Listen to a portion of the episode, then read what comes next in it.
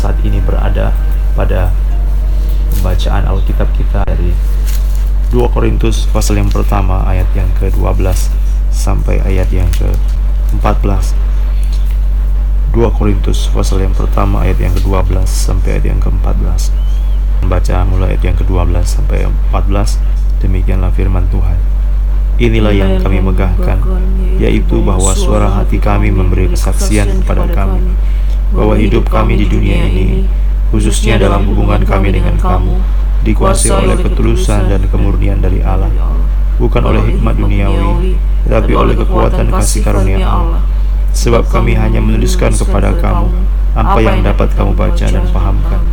Dan aku harap mudah-mudahan kamu akan memahaminya sepenuhnya.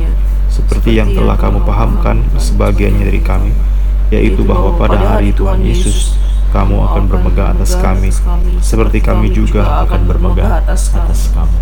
Umat-umat yang Tuhan kasihi, perjalanan hidup ini adalah suatu misteri yang memang tidak bisa kita duga dan kita tidak tahu akan berujung ke mana.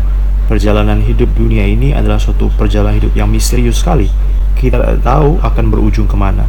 Dan kita tidak tahu bahwa apa yang akan terjadi sebentar dan apa yang menjadi konsekuensi atau sebab akibat dari apa yang terjadi. Jadi kadang-kadang ada orang berpikir kenapa aku sekarang mengalami kesusahan. Tetapi Alkitab mengatakan kesusahan yang kita alami atau segala sesuatu yang terjadi hari ini itu segala sesuatu itu tidak mungkin sia-sia.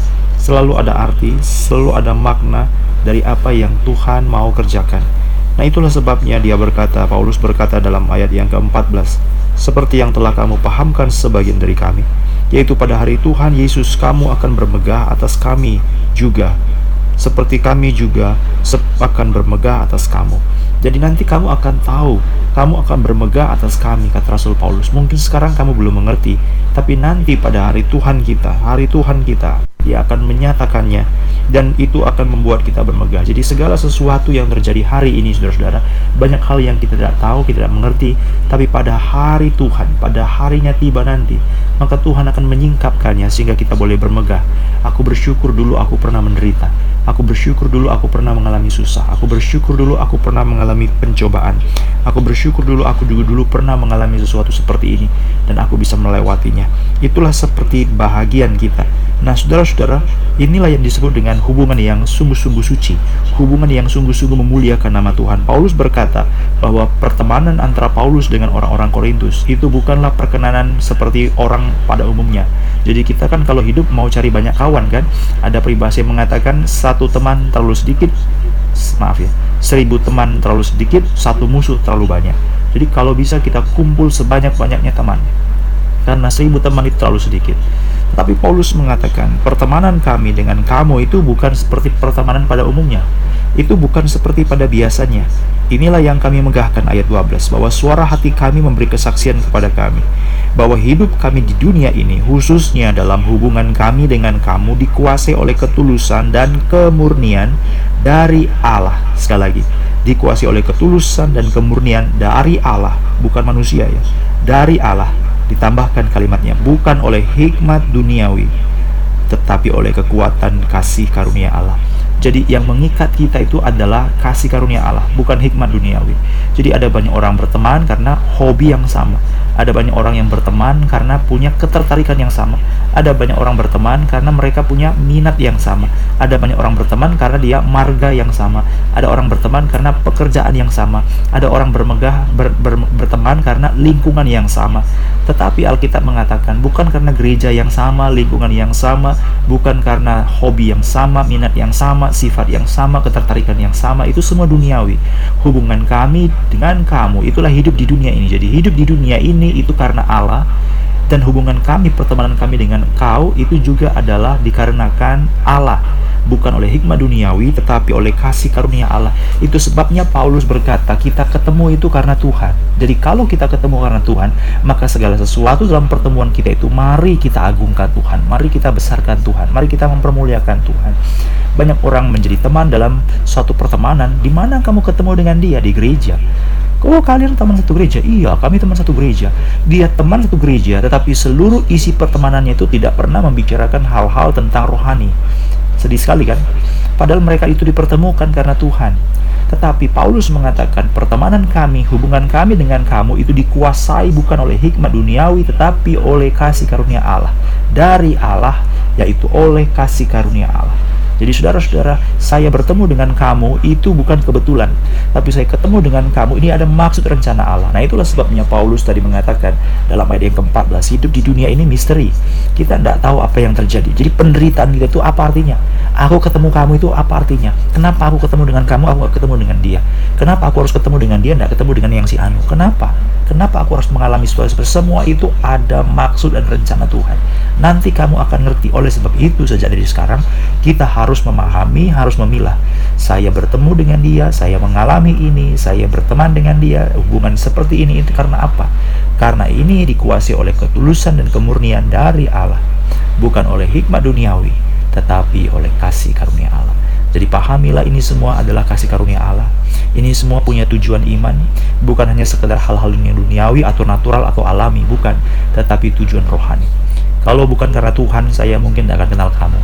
Oleh sebab itu, saya ingin selalu mentumbuhkan iman dan interaksi kita dalam Tuhan. Jangan kita kembangkan hal-hal yang negatif. Jangan kita kembangkan hal-hal yang duniawi. Jangan kita mempererat hal-hal yang duniawi, bukan hal yang rohani. Banyak juga persekutuan-persekutuan yang semakin dipererat hanya karena alasan-alasan duniawi. Nanti kalau saya mati, ada yang memperhatikan. Nanti kalau saya ada pesta, ada yang datang.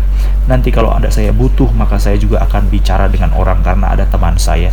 Jadi semua ini sudah seperti relasi-relasi yang bersifat duniawi. Ya kan?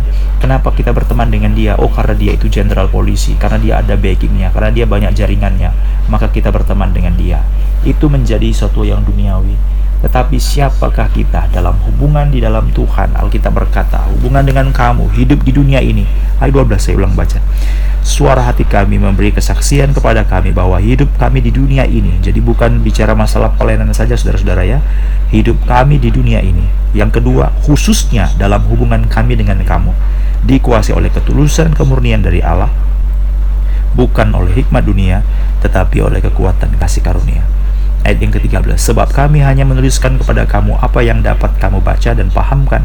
Dan aku harap mudah-mudahan kamu dapat memahaminya sepenuhnya. Jadi Paulus juga mengatakan bahwa surat yang aku kirimkan kepadamu itu adalah surat yang tidak memikirkan hal-hal yang lain selain daripada kamu sungguh-sungguh dimegahkan, kamu sungguh-sungguh dipahamkan, kamu sungguh-sungguh diberikan pengertian tentang apa? Tentang iman dalam Yesus Kristus.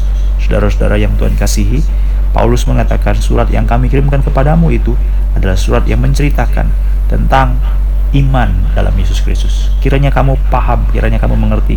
Paulus mengatakan ini satu model pelayanannya dalam satu Korintus pasal yang kedua ayat yang kedua. Satu Korintus pasal yang kedua ayat yang kedua Paulus mengatakan sebab aku telah memutuskan untuk tidak mengetahui apa-apa di antara kamu selain Yesus Kristus, yaitu Dia yang disalibkan. Paulus tidak memperdulikan kamu latar belakang apa. Paulus tidak memperdulikan kamu datang dari keluarga apa. Meskipun itu penting ya, penting sekali kan. Kalau kita berteman dengan seseorang kan kita perlu tahu dia itu dari mana, dia itu siapa, pekerjaannya apa. Itu penting ya, penting juga. Tetapi Paulus maksudnya adalah dia tidak terlalu menjadikan itu sebagai hal yang utama. Jangan-jangan nanti itu menjadi alasan atau menjadi suatu halangan untuk berinteraksi. Karena aku bertemu dengan kamu itu karena Yesus Kristus. Jadi, di mana kamu kerja, bagaimana penghasilanmu, berapa banyak uang yang kamu dapat, harta apa yang kamu miliki, propertimu di mana saja, itu bukan hal yang utama. Sifat kamu bagaimana, perangaimu bagaimana, kalau aku ngomong gini kamu tersinggung atau tidak, jadi kalau aku ngomong seperti harusnya bagaimana, itu nggak penting. Yang penting itu adalah Kristus Yesus. Jadi aku tidak ingin mengetahui apa-apa di antara kamu, aku sudah putuskan itu, aku hanya memberitakan tentang Kristus. Dan itu sebabnya dalam 2 Korintus pasal yang ke-1 Paulus mengatakan, "Aku menuliskan kepada kamu apa yang dapat kamu baca dan paham." Dan aku harap kamu dapat memahami sepenuhnya. Jadi tulisan yang aku tuliskan kepadamu ini adalah tulisan yang sederhana yang kamu pahami dan pahami itu karena Kristus. Kamu pahami itu karena gampang dimengerti. Kamu pahami itu karena Roh Kudus yang bekerja dalam antara kamu. Aku pahami ini karena ini adalah tulisan rohani. Jadi aku dan kamu itu karena iman, maka orang beriman pasti dapat memahami apa yang aku maksudkan. Jadi saudara-saudara ini Paulus hendak mengatakan bahwa betapa dia mengasihi jemaat di Korintus dan kasihnya itu adalah kasih yang sungguh-sungguh mengkuatkan dan memfokuskan hidup mereka supaya mereka fokus tentang iman. Ada masalah dalam dunia ini, ada persoalan dalam dunia ini, tetapi jangan karena masalah dan persoalan dalam dunia ini membuat kita lari dari fokus kepada iman dalam Yesus Kristus. Pertemanan kita harus menjadi pertemanan yang dikuatkan dan dipertumbuhkan dalam iman kepada Yesus Kristus. Sehingga berita yang dibicarakan, apa yang Paulus sampaikan, kontennya, isinya adalah sesuatu yang berkaitan dengan iman dalam Yesus Kristus. Kamu bisa memahaminya. Aku tuliskan ini adalah hal yang rohani. Dan ayat yang ke-14 Paulus mengatakan, apa pun yang terjadi, apa pun yang kita alami, itu semua selalu nanti pada akhirnya kamu akan mengerti. Saudara-saudara yang dikasih Tuhan, hal-hal yang terjadi sekarang banyak hal yang kita anggap sesuatu yang kita ingin tolak rasanya, kita ingin buang rasanya, kita ingin kita lalui, kita ingin hentikan maunya Tuhan jangan seperti ini maunya Tuhan jangan seperti itu. Ini selalu menjadi doa daripada orang-orang yang mengatakan diri orang percaya. Maunya Tuhan begini maunya Tuhan begini tolonglah supaya begini jawablah doa supaya begini karena harus begini karena begini. Kita menjadi mengatur Tuhan. Kita sudah merancang suatu cara hidup yang kita pikir apa yang Tuhan izinkan terjadi itu tidak baik. Padahal Paulus mengatakan mulai dari tahap yang pertama bahwa hidup kami di dunia ini adalah bukan karena hikmat duniawi. Yang kedua dia mulai dalam tahap itu dia berkata bahwa hubungan kami dengan kamu itu juga bukan karena hikmat duniawi tapi oleh kasih karunia Allah. Jadi kalau kita pahami tahap yang pertama ini bahwa hidup di dunia ini dan pertemanan kita dengan si anu si anu si anu itu bukan karena tetapi sesuatu kelar rohani maka kita tahu bahwa segala sesuatu yang terjadi ini ada arti rohaninya. Tahap yang kedua adalah tapi yang kedua adalah bahwa pada waktu Paulus mengirimkan surat menuliskan perkataan-perkataan iman ini, ini bicara tentang sesuatu hal yang beriman. Dia tidak mem memikirkan hal-hal apa yang lain selain daripada iman. Itu sebabnya waktu kita membaca firman Tuhan, waktu orang-orang Korintus membaca surat Paulus, maka Paulus tahu bahwa kamu seharusnya sudah ngerti. Kenapa? Karena ini persoalan iman. Kalau betul-betul kamu orang beriman, kamu ngerti kalau betul-betul kamu orang beriman, pasti kamu berapi-api, pasti kamu semangat, pasti kamu digerakkan, pasti kamu diberikan pengertian untuk membaca surat firman Tuhan ini. Ini bukan hal yang sulit. Bagi orang mungkin sulit, tapi bagi kamu, kamu bisa memahaminya. Karena apa? Karena kamu dan saya ada dalam frekuensi yang sama, gelombang yang sama, pengertian yang sama, iman yang sama. Bukan tingkat mungkin pemahamannya lebih berbeda, tetapi karena kita oleh diikat oleh Roh Kudus yang sama, diikat oleh Tuhan yang sama, dalam iman yang sama, maka kita akan mengerti. Nah, ini tahap yang kedua, saudara-saudara. Jadi, kalau misalnya uh, suami istri itu sudah memiliki suatu komunikasi yang sangat baik sekali, maka pengertian-pengertian mereka yang seragam, sehati, sepikir itu pasti banyak sekali.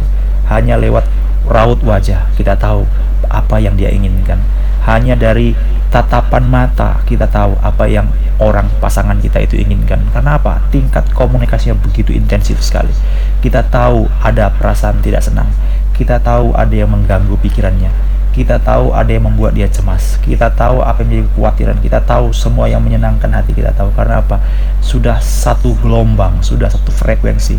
Dan Paulus mengatakan, apa yang kutuliskan kepadamu itu adalah hal yang dapat kamu baca dan kamu pahami dan aku harap mudah-mudahan kamu memahami sepenuhnya. Kenapa?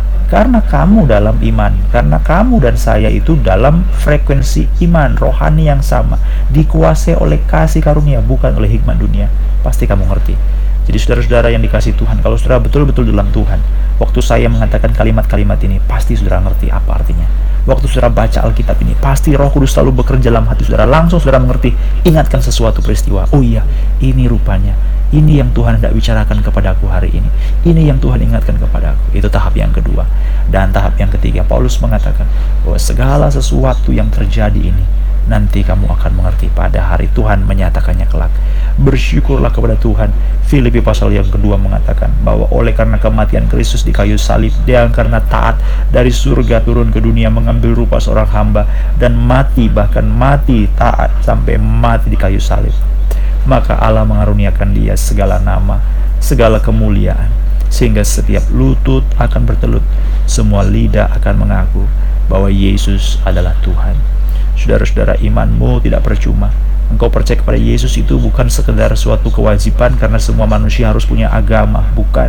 Lalu kita memilih agama Kristen. Bukan karena kita dilahirkan sebagai orang Kristen, bukan. Ini merupakan tantangan. Orang yang lahir sebagai orang Kristen selalu mempunyai kesulitan lebih besar untuk menjadi iman kepada Tuhan. Selalu menjadi kesulitan besar. Karena apa? Karena dia takut dia menjadi sesuatu yang sudah tertipu. Dia sudah menjadi orang yang sudah merasa aman, dia sudah merasa berpikir bahwa dia sudah diselamatkan padahal belum. Inilah menjadi satu pergumulan yang tidak mudah. Tetapi Alkitab mengatakan bahwa segala sesuatu yang kita alami, lakukan, dan miliki, mari kita tahu Tuhan menyatakannya kepada kita bahwa semuanya itu ada artinya.